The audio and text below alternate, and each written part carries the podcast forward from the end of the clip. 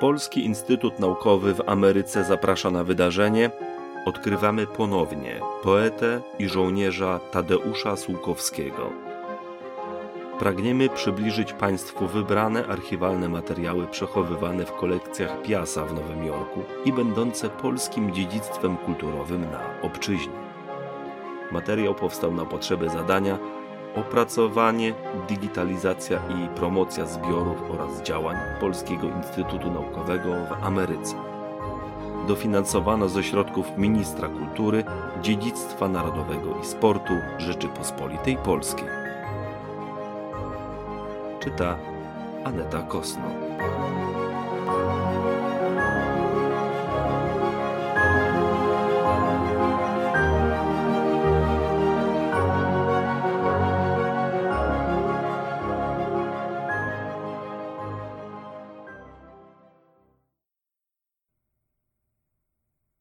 Ósmy września 1947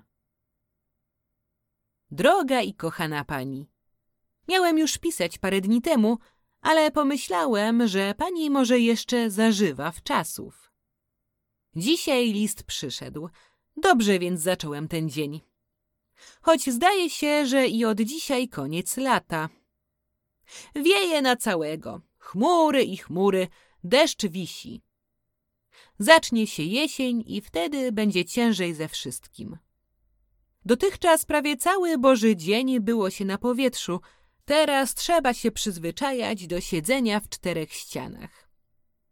Do długich wieczorów, do ciemności za oknem i do deszczów. Dobrze z tym było człowiekowi dawniej, ale nie teraz. Święta racja, że nam pomogło lato. Jesień ma prawa surowsze, za trudne na nasze nerwy.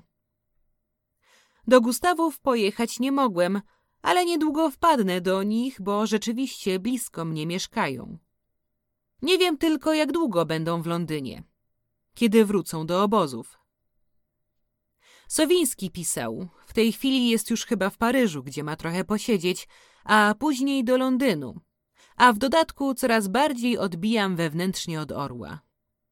Chcę nawet posłać wiersze Grydzewskiemu, ale trochę się krępuje, bo on ma większe rozmiary pisma i może pomyśleć, że chcę z nim współpracować tylko dlatego, że pismo nabiera rozpędu. Bibliotekę uruchomiłem w sobotę. Izba schludna. Urządziłem jak ja mogłem, najprzyjemniej, to znaczy wymyłem podłogę i kupiłem trochę kwiatów. Dzisiaj wydębiłem jeszcze mały dywanik ze sznurów. Co do tego wymijania siebie, to proszę pani, ja się chwytam wszystkiego, żeby się jakoś ratować. Na pewno popełniłem przy wyborze tych pasów ratunkowych dużo błędów, ale i też wyboru dużego nie ma. Zresztą wszystkiego, czego się od dłuższego czasu imam, ma dla mnie sens owej przysłowiowej brzytwy.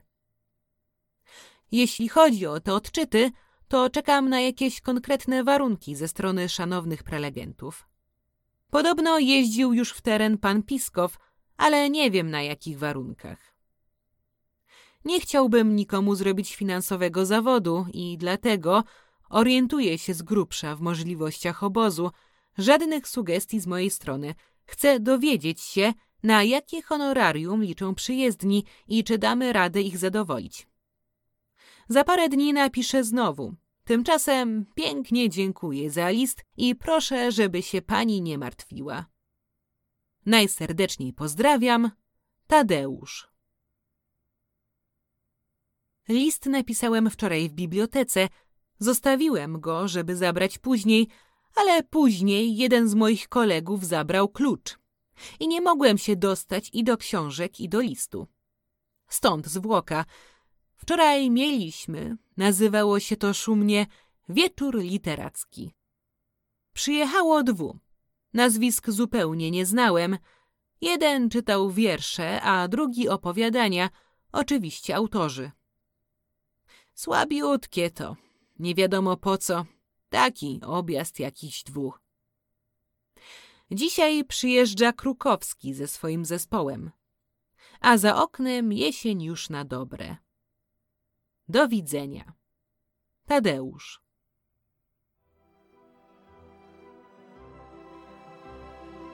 This recording was created for the project, development, digitization, and promotion of the collections and activities of the Polish Institute of Arts and Sciences of America. Co-financed by the Ministry of Culture, National Heritage, and Sport of the Republic of Poland.